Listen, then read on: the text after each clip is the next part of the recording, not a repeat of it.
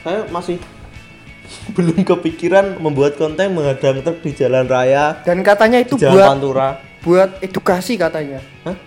Beneran? edukasi apa? Nggak tahu kemarin saya lihat dari apa itu salah satu temannya bilang buat konten buat edukasi. Tapi nggak tahu edukasi apa nggak tahu. Halo podcast mania Kembali lagi bersama saya Zain Mustafa. Setelah beberapa minggu tidak upload episode baru Saya kembali lagi ya pastinya di podcast. Apa kabar Indonesia? Pasti ini kalian bertanya-tanya di mana? Di mana si Alif? Di mana si itu yang suka apa itu? Mengkritik mengkritik ya karena sekarang saya tidak bersama Alif ya. Bukan karena saya bubar karena Alif eh, katanya lagi sakit dan belum sembuh kayaknya ya. Karena nah saya juga jaga-jaga nanti takutnya kan kena virus endorse. Di endorse covid ya takutnya. Jadi saya eh, tidak ke tidak bersama Alif dahulu. Tapi saya eh, kedatangan ini mendatangi mendatangi sebuah teman. Kok sebuah teman? Seorang teman yang akan menemani saya untuk menggantikan Alif ya sementara. Ya nggak menggantikan nanti setiap episode nanti saya akan mencari mencari-cari lagi untuk ya eh, menemani saya lah nanti kalau saya sendiri membahas-bahas berita bahaya gini kan minimal ada temannya ya jadi kalau dua kan enak dan eh, di episode kali ini saya ditemani oleh itu Nabil Hanif Atala Iya. Kenapa kok saya ada di konten apa kabar Indonesia? Kan biasanya saya di Lambe Bola. ya karena yang apa tuh? Deket aja. Hah? Deket di mana? deket rumahnya eh, akses jalannya deket Oh, gitu. Padahal Anda deketan dengan Alif loh. karena kan Alif kabarnya di endorse covid. Tapi belum tahu ya. Ya semoga cepat sembuh aja ya Alif. Biar bisa. Jadi saya sekarang bersama Nabil Hanif ini ya, bagi kalian pendengar Lambe Bola pasti sudah tahu ya. Biasanya kita bikin podcast Lambe Bola tapi sekarang saya ajak untuk membuat podcast apa kabar Indonesia untuk menjadi musuh masyarakat Hah? untuk satu Kok musuh episode masyarakat. enggak kita Saya ini anu loh di sisinya masyarakat loh. oh anda bersama masyarakat ya Iya berlingkungan dengan masyarakat gitu. jadi bukan musuh ya Bukan. barangkali nanti kan kita membahas-bahas seperti ini takutnya nanti ya seperti biasa ya di apa kabar Indonesia pasti akan memberikan berita-berita yang penting dan layak untuk didengarkan. Nggak usah dengerin liputan6.com Tribun News nggak usah. Jadi dengerin ini aja ya podcast ini. Ini berita pasti penting. Ya langsung saja berita pertama. Ini kita eh, kasus covid masih tinggi ya di Indonesia. Dan ppkm ternyata diperpanjang Mm. ini gimana menurut anda ppkm diperpanjang Itu sudah resmi. udah resmi sampai eh, akhir bulan Juli Akhir bulan Juli. Ya gimana ya. Untuk ppkm kan sebelumnya sudah PSBB ya yang dulu-dulu Ya, itu. PSBB. Yang sampai full itu udah Yang- pagi siang sore malah nggak bisa keluar nggak boleh keluar. ya. ada PSBB, PPKM mikro, PP apalagi PPKN, PPIDIP. Pe- kan saking banyaknya kenapa nggak satu nama aja PSBB? Padahal kan intinya sama juga ya. Ya, Tapi namanya gonta-ganti ya. Lanjut gimana nanti? ya kalau untuk saya sih PPKM diperpanjang sih ya mungkin tujuannya pemerintah itu untuk menurunkan har- apa itu naiknya melonjaknya kasus, Kasus. COVID itu ya ini ya. Untuk mengurangi kegiatan. Mm. Dan itu PPKM itu setahu saya itu sampai jam 8 malam ya kalau nggak salah. Habis itu kalau sudah jam 8 malam udah nggak boleh ada aktivitas di luar yang yang nongki-nongki gitu. Eh tapi yang bertugas yang nongki. kan maksudnya emang gitu gantian kan waktu nggak ada PSBB PPKM gitu kan kok anak muda terus yang nongkrong di coffee shop kita grebek kita gantian yang ngopi di sana. Enggak ya enggak. Aparat kan bagus kan ingatkan untuk segera pulang. Tapi di PPKM ini kan banyak pro, pro, pro kontranya ya. Iya, dan juga banyak Apalagi- kemarin yang banyak yang mengeluh apalagi pedagang-pedagang kecil. pedagang-pedagang kecil itu ya gimana ya? Agak kasihan juga sih. Mereka niatnya kan cari makan. mencari makan juga. Terus kemarin katanya ada kasus yang Satpol PP di anu tuh. sampai mukul orang hamil. Iya, saya Satpol PP, saya Satpol PP. Sudah. Sat-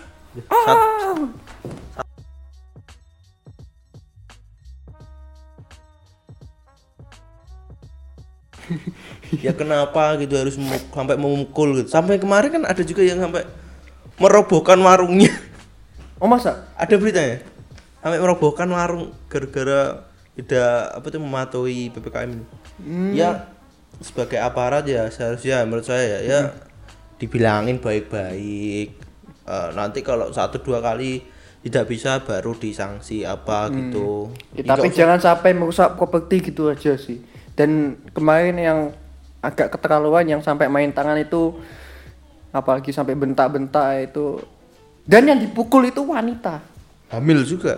Oh, tapi setelah saya lihat berita tadi itu si wanita nggak hamil, oh nggak hamil? Nggak hamil. Nah, terus? Gendut gitu Ya, emang, nggak emang di tahu. video kelihatan gendut sih. Katanya, setahu saya katanya yang wanita itu dia hamil gitu. ya tapi enggak tapi enggak dan suaminya nggak tahu gitu. Ya tapi tetap aja tuh nggak bisa main iya sih iya. nggak bisa main Nggak bisa main tangan, kan. ya? nah iya nggak bisa itu nggak bisa jadi alasan apalagi untuk itu kan wanita juga ya? Iya tetap aja. Dan juga karena apa itu kejadian itu eh, saya dengar itu siang mukul sat, yang Sudah satu PP itu sudah. Tahan sama polisi. Dan juga sudah dipecat. Syukurin. Anda sudah tidak bisa mubar-mubarin bubar-bubarin warung-warung lagi. Ya jadi kemarin juga ada apa tuh namanya yang punya coffee shop. Itu eh, kena razia ppkm dia itu disidang terus hukumannya suruh milih mau bayar 5 juta atau hukuman tiga hari. Tapi hukuman si tiga hari penjara Mas. ya apa si yang punya coffee shop ini memilih tiga hari kurungan penjara. Karena untuk membayar 5 juta aja nggak ada uangnya. Karena ppkm ini membuat omset coffee shopnya itu turun drastis. Ya sudah jelas perbandingan tiga hari penjara sama 5 juta itu terlalu jauh menurut saya gitu loh. Coffee shop itu kalau untuk menghasilkan 5 juta saja itu butuh waktu yang lama loh, berbulan-bulan loh karena bisa. kan kebanyakan coffee shop sekarang kan anu ya apa tuh harganya itu bertanding gitu maksudnya lawan-lawan murah-murahan gitu Iya murah-murahan yang ya Allah tiga ribuan gitu, kopi kopi tiga ribuan. jadi kalau untuk 5 juta kalau apalagi ada kayak gini ya susah lah ya Ya kalau saya gitu ya saya mending yang tiga hari itu. kurungan ya kurungan Iya. penjara juga ya Iya sambil ngerasain oh gini ya rasanya di penjara. Oh, gini ya rasanya apa itu namanya? Di kurung sama idaman. Nggak, nggak. Ya, jadi kemarin juga ada kasus lagi tukang bubur Iya, yang kenapa? didenda itu 5 juta itu. Oh iya? Ya gimana ya? Di tukang denda bu- 5 juta itu karena Ya karena melanggar gitu. ya melanggarnya apa? Ya kalau PPKM ya pasti mungkin kalau nggak ada yang makan di tempat kalau PPKM kan peraturannya nggak boleh makan di tempat Hmm. dan nggak boleh Kalau- berjualan sampai Iya, bolehnya delapan delivery, delivery gitu kan. ya bungkus gitu Hmm, online ya gitu. mungkin ada kalau nggak apa itu namanya kalau nggak ngelanggar jam mungkin ya ada ada yang makan di tempat dan itu harus denda 5 juta 5 juta. ada si penjual bubur ini Langsung maksudnya nggak diperingatkan gitu. Emang Nggak. sebelumnya belum diperingatkan. Ya. Itu langsung 5 juta lang- gitu aja. ya langsung 9 juta Iya. dan langsung si penjual bubur ini langsung cari pinjaman ya uang terus dapat 5 juta terus tiba-tiba ada orang dermawan ya yang menggantikan uang 5 juta tadi yang udah dibayar oleh si tukang bubur tadi. Ya gimana ya? Untuk aparat ya menurut saya anda boleh menertibkan kayak rahasia gitu mengingatkan ya emang Itu- kerjaannya gitu. Emang kerjaannya Tapi- boleh tapi jangan sedikit-sedikit denda 5 juta 5 juta jangan. main tangan seharusnya kalau memang anda memikirkan rakyat demi rakyat demi Indonesia bisa maju bisa apa itu bisa angka covidnya turun ya kasih solusi. Contohnya ya mungkin kasih beras atau kasih makanan gitu loh. Ya kemarin kan udah ada program kenapa itu. harus malah yang tukang bubur ini yang apa itu yang nggak nggak berdaya ini disuruh bayar 5 juta? Kan agak kasih agak kasihan. Ya kemarin kan juga ada program bantuan sosial, tapi sayang kan dikorupsi. Sangkrik.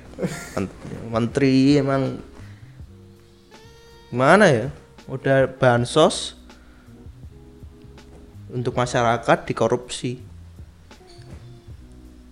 itu ya Padahal udah menteri, orang pinter.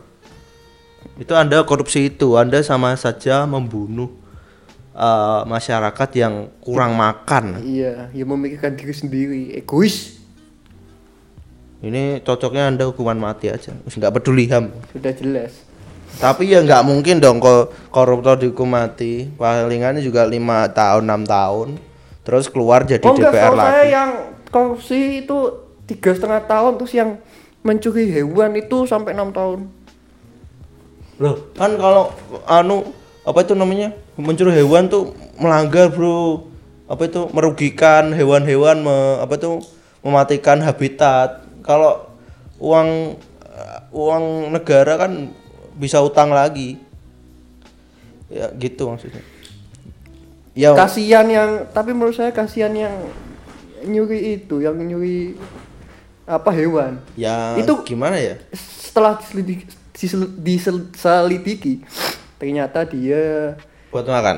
buat makan buat kebutuhan sehari-hari gitu karena ekonominya yang enggak Susah ya? yang susah juga Tandanya sampai dibonyok-bonyoi sampai- tandanya hukum di Indonesia masih eh, tumpul ke atas dan tajam ke bawah. Masih pilih-pilih kalau Anda punya uang, Anda punya privilege.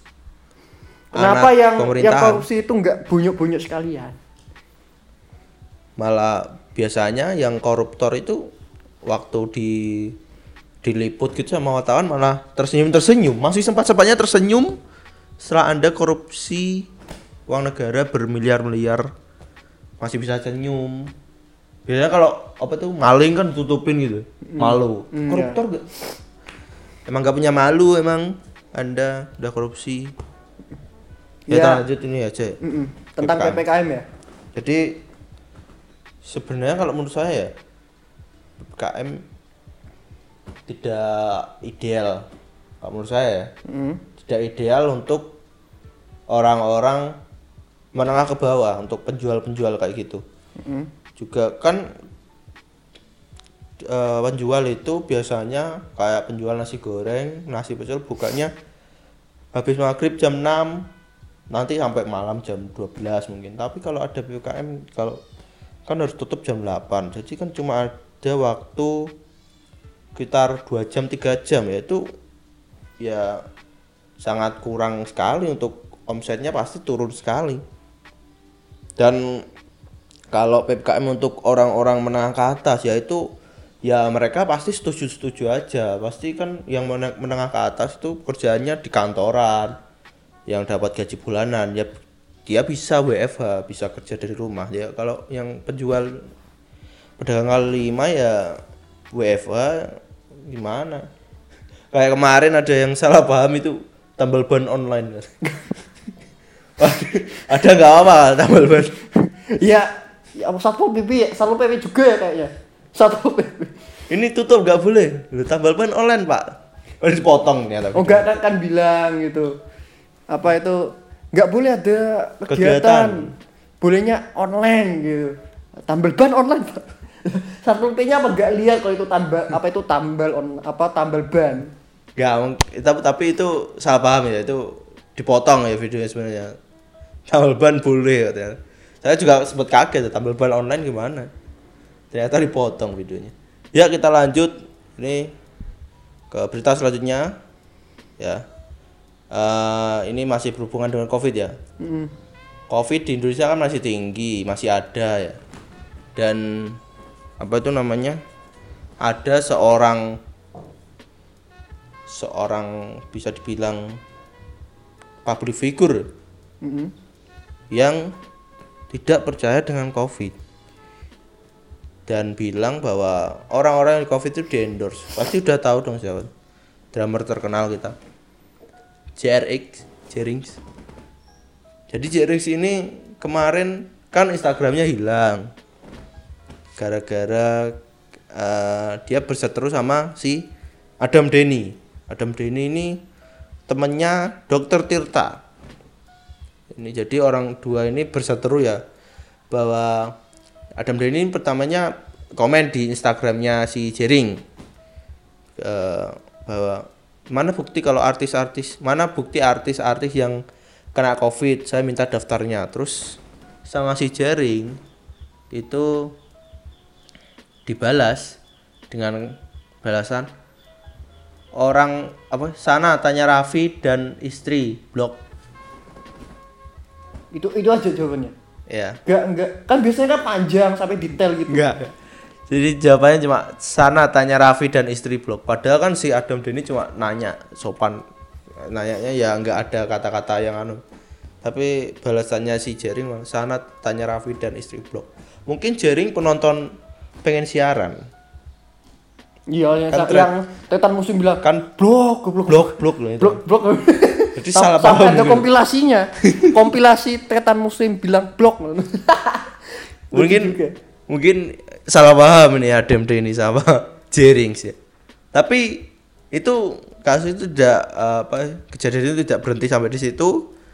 Ternyata setelah postingan itu tiba-tiba Instagram Jering hilang dan Jering ini nuduh si Adam Denny yang menghilangkan. Dan setelah itu eh, si Adam Denny telepon sama Jering dan katanya diancam Gimana? diancam melalui telepon ini tidak ada katanya udah direkam sih tapi di sini eh, tidak dituliskan ya di berita Kompas ini. Eh, tapi saya lihat di YouTube-nya Denny Sumargo katanya dia tuh sampai diancam mau diinjak di trotoar gitu itu kalau nggak salah ya seperti itu. Hmm. Nah, menurut anda gimana ini? Jering menurut anda Jering kan ini bilang di endorse covid di endorse covid. Endorse covid emang ada. Kalau ada saya mau juga. Bayaran bro lumayan. Ya untuk jaring sih ah gimana ya? Padahal dulu itu dibela-bela sama masyarakat dulu. Ya. Sampai mengkritik apa itu yang nanti kita yang masuk sana tadi sorry. oh iya. Yang kasus kemarin. Ya yang kasus kemarin kan sampai dibela masyarakat ya. Anda kejauhan. Untung bisa diedit. Ya lanjut. Yang kasus kemarin ya. Kan yang kasus kemarin. Hmm. sempat dibela masyarakat. Iya. saya juga termasuk yang bela juga. Karena menurut saya itu ya ada benarnya juga ya tapi setelah bebas ini entah kenapa kok si Jerings ini apa itu bilang kalau eh, ada yang Endorse endorse, endorse itu nah itu yang agak nyeleneh gitu loh di- dulu uh, perjuangannya ini tidak ada anu anu anu, nggak percaya gitu. Tapi Iya sampai apa itu nyanyiin lagu banyak yang nyetel lagunya SID itu. Pendiriannya kuat sih termasuk si Jering ini. Jering sini orangnya ini berkomitmen dan selalu optimis gitu loh. Nggak bisa dipengaruhin apa itu namanya? So- sama semua orang nggak bisa dipengaruhi dia dia Dibilangin istri aja nggak. iya malah istrinya bilang kalau saya menyerah sama suami saya tolong jangan salah saya Saking itu saya sudah, kuatnya pendiriannya. Iya, saya sudah ngasih tahu sudah saya nasihati saya menyerah Ya untuk jaring sih kalau bilang begitu ya harus ada buktinya. Banyak artis yang kayak siapa itu gamer itu siapa namanya? Sarah Veloid. Sarah Filoid itu sampai dibilang kalau kamu di endorse ya di. Kaget ya anak kecil kan baru Sarah Veloid kan ber- kan masih SMA ya mungkin nggak salah. Ya, ya Main Instagram ini, ini siapa komen kok Iya. JRX. Sarah Filoid dan BCL juga. BCL. Iya, yang baru pulang dari Bali itu bilang di endorse. Buktinya mana? Ini kan anu kan si JRX ini bilang bahwa waktu eh, influencer ini kan banyak yang liburan ke Bali. Waktu liburan ke Bali itu dia eh, tesnya katanya si Jerry negatif. Kok tiba-tiba pulang dari Bali positif dan itu mungkin yang eh Jering langsung bilang bahwa endorse ini di COVID. Eh endorse ini di COVID. COVID ini di endorse. Dari situ mungkin keluar muncul pikiran itu. Omongan Anda tadi bisa-bisa kayak ada plot twist. Hah? Lebih aman daripada Anda tadi. Saya ya, ya, takut tapi bisa diedit santai. Ah, jadi Jerings gimana ya Jerings? Ya untuk apa itu sama siapa tadi? Adam Adam Deni Adam Deni ya. Dan kabarnya Adam Deni melaporkan tindakan yang ancaman tadi. ancaman tadi ke polisi ya kalau nggak salah. Tapi Jerings katanya juga melaporkan Instagram. Iya, iya sebaliknya dia juga melaporkan Instagramnya hilang.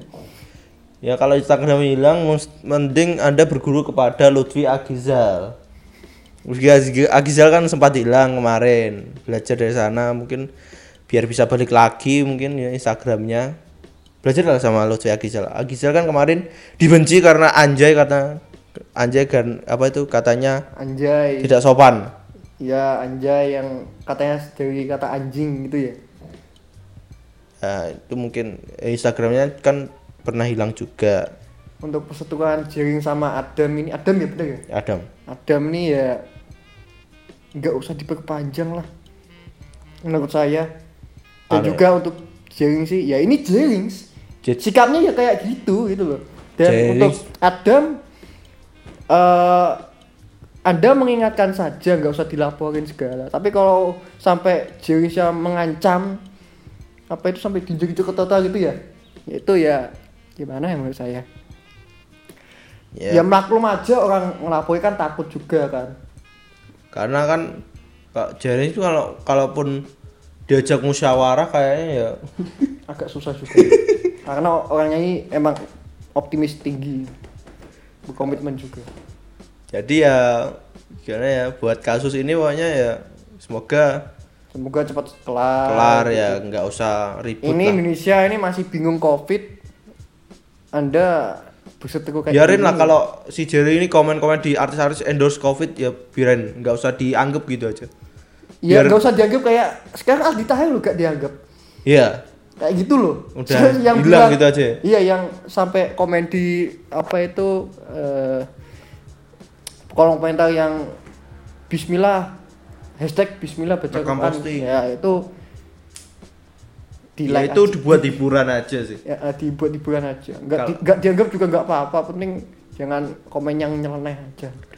Ke kalau ada orang yang berbeda pendapat silakan tapi jangan apa itu namanya mengompor-ngompori orang yang percaya ini. Ya yang orang percaya udah silahkan biar kita berjalan dengan narasi masing-masing gitu loh dengan kepercayaan kita masing-masing bahwa anda kalau tidak percaya ya udah tidak percaya bersama kaum kaum anda yang tidak percaya sana saja. Nggak usah mengajak yang kita percaya terus tiba-tiba anda komen endorse covid. Ya kalau orang tuh apa anak muda masih apa itu namanya bisa berpik eh, masih bisa mik eh, nggak nggak mikir sih mas. Masih bisa mempertimbangkan ya maksudnya. Kok ada endorse covid kalau anda komen itu di ibu-ibu kan pasti langsung percaya. Ibu ibu-ibu apa tahu itu? Endorse itu apa Emak- sih? Ibu-ibu loh. Anda bilang endorse endorse yang nggak tahu ini endorse apa sih? Mas dibayar oleh covid. Apa ini apa sembako? Apa ini eh meet and greet dengan Aldebaran? Ya itu ya semoga eh, kasus Jering sama Adam Dini cepet kelar Eh, dan kita bersama-sama melawan covid ini ya. Nggak usah. Untuk yang kasus-kasus seperti ini semoga bisa diselesaikan secara keluargaan ya. Dan semoga Mas Jering jangan emosian dulu ya kalau diajak musyawarah. Jangan eh, Tapi sabar. susah karena itu sih udah sifatnya yang udah melekat di di apa itu eh, dalamnya jaring itu udah ya ini sifatnya agak susah juga kalau mau diubah. agak eh, keras kepala gitu ya. Ya, gitu aja sih untuk kasus Jerry ya. Kita lanjut ke berita selanjutnya. Ini ada kemarin kan ada artis tuh. Ini beritanya dari Vice ya, Vice Indonesia. Artis lagi ada apa ya dengan artis? Artis ini narkoba. Narkoba. Artis dengan narkoba sebenarnya sudah seperti suami istri. Karena saking banyaknya gitu Pak kasus narkoba Yang dulu Anji sekarang siapa? Sekarang ada Nia Ramadhani sama suaminya Ardi Bakri. Oh. Ini yang saya eh, beritakan bukan terjeratnya kasus itu ya, tapi ini eh, banyaknya pengguna pengguna narkoba itu dibui dibanding direhab seperti para selebritis yang kena narkoba. Karena kemarin Nia Ramadhani itu berhasil eh, apa ya namanya? Berhasil me, berhasil betul kalau usul Oh, mengusul. kita ini nggak usah ditahan tapi di rehab aja dan itu disetujui, di- disetujui Santai aja. disetujui oleh pihak eh, kepolisian ya.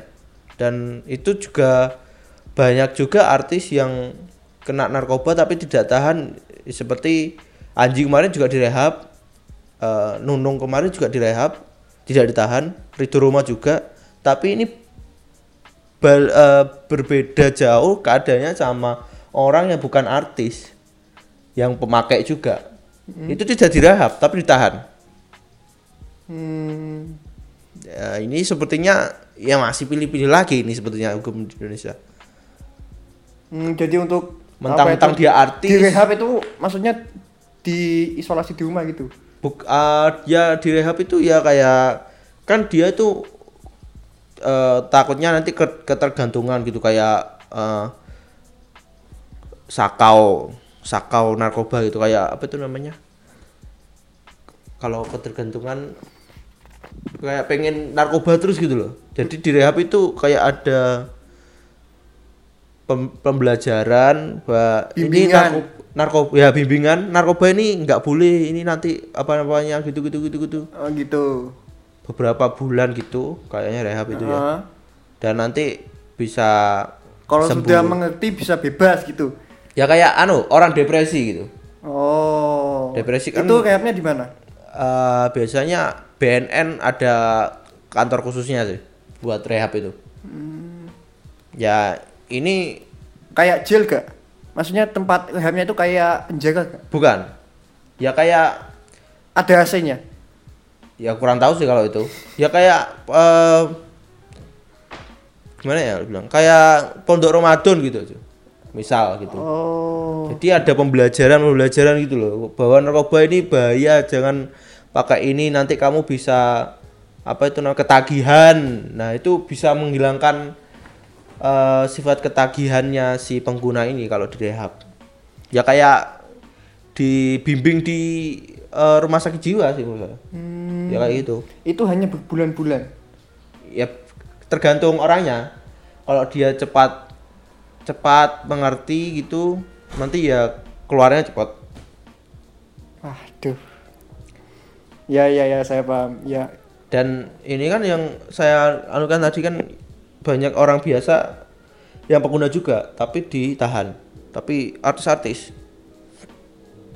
tetap direhab Wah ini ya gimana ya kembali lagi ke kayaknya Indonesia ini lama-lama ini ada apa itu tingkat-tingkatannya. Maksud saya itu kayak kayak jelata, ada yang kaum menengah menengah, terus elit, elit global. Nah gitu, kayak lama-lama kayak gitu Indonesia. Yang kayak jelata di injek-injek, yang menengah agak gitu. Kadang diinjek, kadang enggak. Nah, yang elit ini yang elit ini, yang ini kayak artis-artis gitu. Kayak dikasihani, kayak anak sendiri. Pokoknya uang, uang yang berbicara ya sepertinya. Uang yang berbicara. Terus juga yang elit global ya udah nggak usah nggak bisa dilawan itu. Ini kan kemarin saya juga mendengar apa tuh press press conference-nya si kuasa hukumnya Nia Ramadhani ini bilang bahwa Nia Ramadhani ini korban eh korban apa eh Anda kan yang pengguna sama suami Anda. Kok bisa-bisanya bilang korban? Ya, korbannya kayak gimana ya? Korban ya kayak itu bukan korban tapi pengguna. Ya kan Anda tuh pasti pesen kan? Iya lah itu tidak loh. dijejeli tidak iya di kalau korban ini maksud korban kayak misalnya korban eh korban apa ya? Pencurian mungkin. Korban koyokan gitu contohnya koyokan korban pencurian kan gitu kan kayak gitu kan. Kan, kan pasti gak disengaja kan. Ya, dan ini juga kan Anda- gak mau. Nah sedangkan yang Nia Ramadan ini sama suaminya bilang kalau itu korban. Korban dari apa? Halo? Anda pasti kan mesen ya? Mesen terus masa anda dirasuk COD. masa anda dirasuki sama seseorang terus habis itu diketik. Itu nyalakan setan Anda. Ya, saat konsumsi itu dirasuki. Aku konsumsi. Kalau udah selesai, udah keluar. udah tertangkap terus. Saya korban. Ya terus orang-orang biasa ini gimana? Saya juga kemarin kan sempat lihat ya di 86 itu di program net itu menangkap pengguna juga. Pengguna narkoba itu sampai di apa tuh namanya ditiarapin di pokoknya ya kayak nangkep penjahat gitu. Ya ini saya mikir juga kalau nangkap Nia Ramadhani apakah juga seperti itu? Sampai di sampai di, di, di- apa tuh namanya? Ditentangkan di bawah seperti itu. Ya, pasti kayaknya enggak sih. Karena ada apa itu namanya derajat dan juga Karena- tingkatan yang saya bilang tadi. bapaknya juga apa itu namanya punya TV One. Yang punya TV kemarin juga sempat Dan kabar ada. dan kabarnya itu udah punya anak, udah punya anak ya. Udah punya anak ya kasihan anaknya sih kalau udah lihat kedua orang tuanya kayak gitu. ya jangan kaget nanti kalau anaknya pengguna juga ya Wah, jangan sampai, jangan sampai. Tolong untuk anaknya, anaknya ya Anda harus berpikir dewasa dan juga harus bisa memilih mana yang benar dan mana yang salah. Kalau itu ibumu dan ayahmu ya udah biarin aja Anda nggak usah ya. menjadi diri anda sendiri aja Iya. Jangan Kalau Anda ke depannya jadi apa itu selebgram atau jadi artis gitu, public figure lah. Beri contoh yang baik kepada fans-fans Anda gitu. Pengikut-pengikut Anda. ya banyak juga yang artis-artis seperti itu apa itu kayak berikan contoh baik contoh baik kayak jangan narkoba jangan narkoba tapi beberapa tahun make Nia Ramadhani juga eh, beberapa tahun lalu ada wawancara sama eh, Trans 7 kalau nggak salah bahas narkoba itu narkoba itu tergantung iman masing-masing katanya gitu Mm-mm. jadi otomatis iman anda lemah ya. jarang udah ngupas jeruk gak bisa tapi sabu bisa ya sebaiknya hukum di Indonesia ini harus diperbaiki sih Bang Syah. Iya, nggak sepadan. kenapa orang ke- eh, orang Dan, bawah terus dan padahal kasusnya sama, tapi hukumannya beda. Gitu loh. Kenapa gitu loh? iya. Apa dia bayar jadi berkurang hukumannya? Apa dia melakukan hal-hal khusus yang orang bawah tidak bisa? Pastinya seperti itu. Uang berbicara. Ya ya eh, gimana? Kalau mau rombak ini harusnya eh, seperti ini harus diajarkan ke anak-anak kecil nanti anak-anak kita nanti ya. Kalau kita punya anak gitu harus dia diajarkan seperti ini bahwa ini nggak adil kayak gitu. Nah, karena ini kan eh, seperti mindset mindset Ya. seperti ini harus diajarkan sejak kecil. Iya setuju. Dan untuk semua apa itu orang tua terutama ini peran penting untuk eh, kemajuan anak anda. Jangan Kalau- anda malah susah kasih HP anaknya main FF nanti freestyle freestyle terus apa itu yang sampai jatuh dari lantai dua itu yang ikutin apa itu yang ada di Berarti game FF iya yang ada di game FF itu ya. Tolonglah untuk orang tua bimbing anak anda sebaik mungkin. Karena- jangan sampai anak anda salah pergaulan apalagi sampai membuat keluarga anda ini dicap jelek Karena jika kita kalau ada peraturan biasanya kalau ada peraturan nyeleneh-nyeleneh biasanya kan mahasiswa demo ya. Demo pun itu jarang didengarkan sama atasan pemerintah. Iya karena kan waktu demo kan si atasan pakai headset yang Headset gaming ya? headset gaming ya sampai sampai ketiduran sampai ketiduran. Jadi sampai ya, nggak nggak nggak kedengar yang di demo depan nggak dengar. jadi ya hal-hal seperti ini seperti peraturan seperti ini ya harus diajarkan di anak-anak anak-anak kita nanti bahwa koruptor ajarkanlah eh, eh, seperti contoh kenapa dagang apa maling maling apa itu namanya ketela sama koruptor hukumannya lebih tinggi maling ketela. Padahal yang lebih merugikan orang banyak itu si koruptor. Ya itu harus diajarkan seperti itulah dari mulai kecil lah ya sampai dia bisa omong dulu nanti kalau anda udah bayi udah masih bayi anda cerita-cerita seperti itu ya nggak paham Maksudnya kalau membimbing itu ada waktunya. Ya, gitu. Liatin usianya kalau usia masih dini ya, fun aja gitu loh. Nggak usah ya fun disuruh fun aja kalau udah umur ya masuk SMP gitu. Ya baru mulai, mulai ngerti kan udah harus mulai ngerti gitu. Kalau SD kan ya paling sejarah, matematika dasar. ya gitu. pokoknya hal-hal seperti ini harus diajarkan di lingkungan kita masing-masing sendiri Kalau- kalaupun kita demo sampai besar-besaran itu eh, presentase didengarkannya itu mungkin 20% Ya, ya. ya seperti itu aja semoga hukum kita bisa adil semoga bisa adil ya karena kita kan katanya negara hukum Karena di Indonesia sekarang sulit menemukan yang namanya adil sulit sekali. Yang ada ya tidak adil gitu.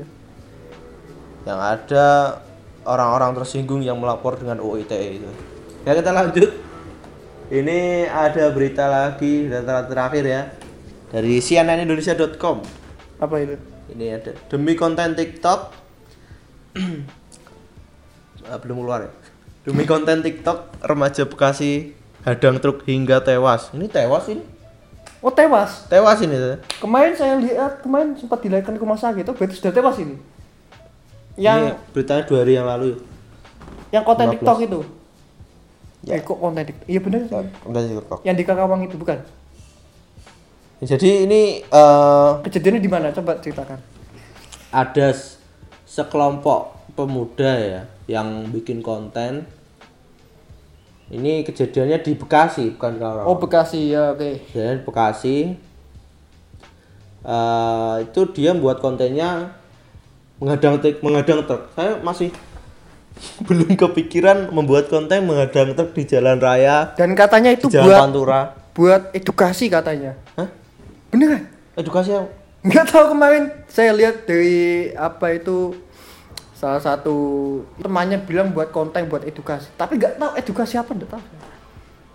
Kalau anda kata F gitu. Di inisialnya F. Kalau anda bikin konten tentang apa itu namanya?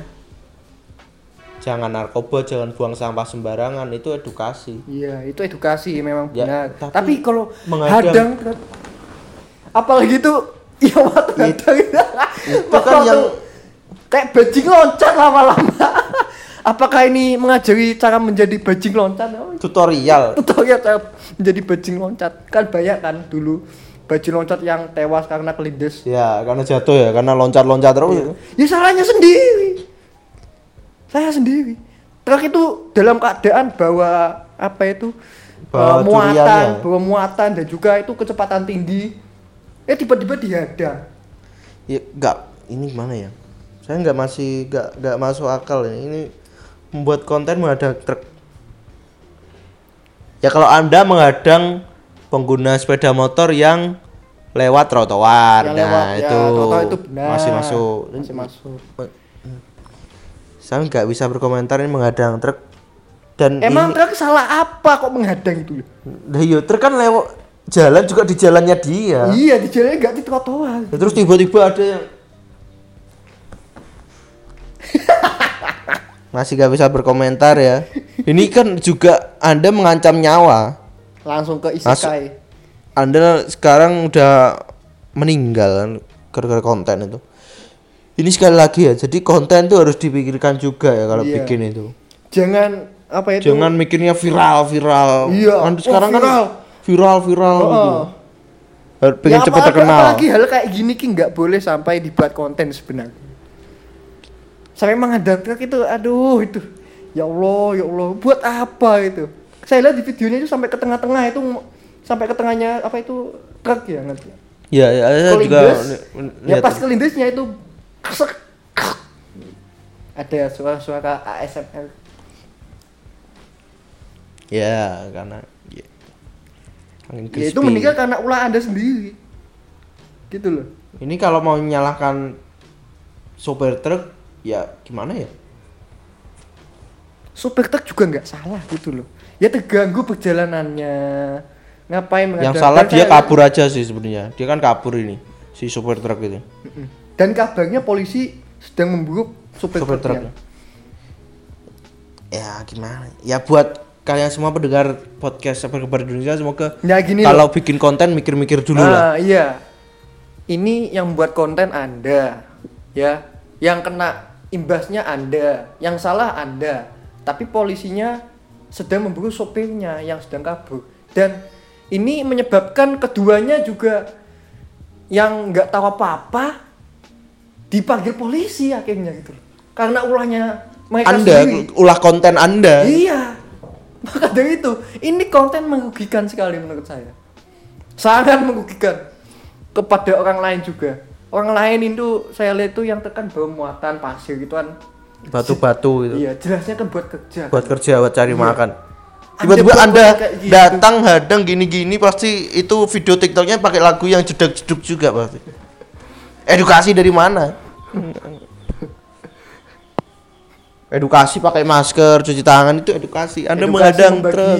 masker gitu supaya mengingatkan jaga kesehatan. Sebentar Oh, saya menghadang truk.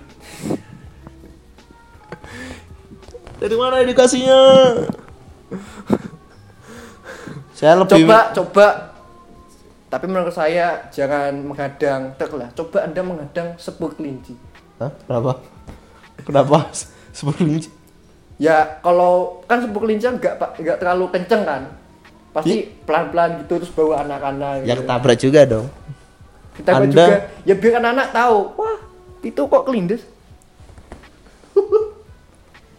Mending Anda menghadang orang-orang yang enggak jadi. Terus juga pasti anak-anaknya bilang kalau kelindes itu, mama mama kita habis lewat apa itu polisi tidur ya. Tapi kok kernyes-kernyes? Waduh. ya men, saya turut berduka cita menu se- sebenarnya untuk anda yang meninggal ini tapi kan ini anda meninggal karena ulah anda jadi Agak gimana gitu ya. ya ya semoga ini nggak terulang lagi aja sih Mm-mm. masih banyak konten-konten yang bisa dibikin aman Mm-mm. membuat podcast membuat apa tutorial apa gitu Mm-mm. masih banyak review Anda mau kalau mau Masak-masak. buat- ya. Anda kalau membuat edukasi di jalanan itu apalagi untuk edukasi ke orang lain ya. Itu jangan sampai merugikan orang lain gitu loh. Contoh saja kayak tadi itu sampai menghadang truk itu merugikan orang lain, orang lain itu dicari polisi, diburu polisi, Anda juga kena. Ya pokoknya pikir-pikir lagi lah kalau bikin Ya, konten. aja cari aja yang aman. Nggak usah mikir viral viral dulu lah. Mm. viral tuh nanti bisa datang sendiri nanti.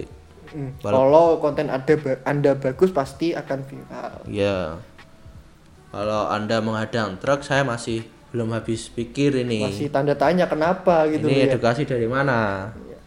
Apalagi di jalan raya ya jalan raya kalau anda mengingatkan pakai helm nah edukasi Edukasi mungkin edukasi menjadi bajing loncat ini pikir saya. tutorial ya Tutorial menjadi bajing loncat. bajing loncat pun nggak menghadang sih sebenarnya biasanya bajing loncat tuh langsung kalau di daerah yang macet-macet dia tuh langsung datang ke truk-truknya langsung datang ke bak truknya langsung mengambil barangnya gitu. Oh, tapi kemarin ada loh yang bajing loncat itu sampai menghadang truk juga. Beneran? ya mungkin itu terinspirasi dari ini ya. Itu aja sih sebenarnya. Eh, pikir lagi kalau mau bikin konten itu aja. Ya udah itu aja. kita ya turut berduka cita atas meninggalnya ini yang bikin konten ya. Semoga tidak ada lagi korban-korban yang akan membuat konten-konten seperti ini ya. Edukasi ya dari rumah aja nggak usah aneh-aneh. Ya itu aja untuk episode kali ini terima kasih ya yang sudah mendengarkan. Terima kasih juga buat Nabil Hanif yang sudah menemani saya untuk menggantikan Alif sementara ya. Semoga Alif juga bisa cepat sembuh dan kita bisa membuat podcast lagi bersama. Dan pokoknya terima kasih buat teman-teman semuanya yang sudah mendengarkan. Terima, kasih juga buat Alif. Kok bukan Alif sih? Terima kasih lah terima kasih juga buat Nabil yang sudah menemani saya. Dan sampai jumpa di episode selanjutnya Madang Truk bukan edukasi Thank you.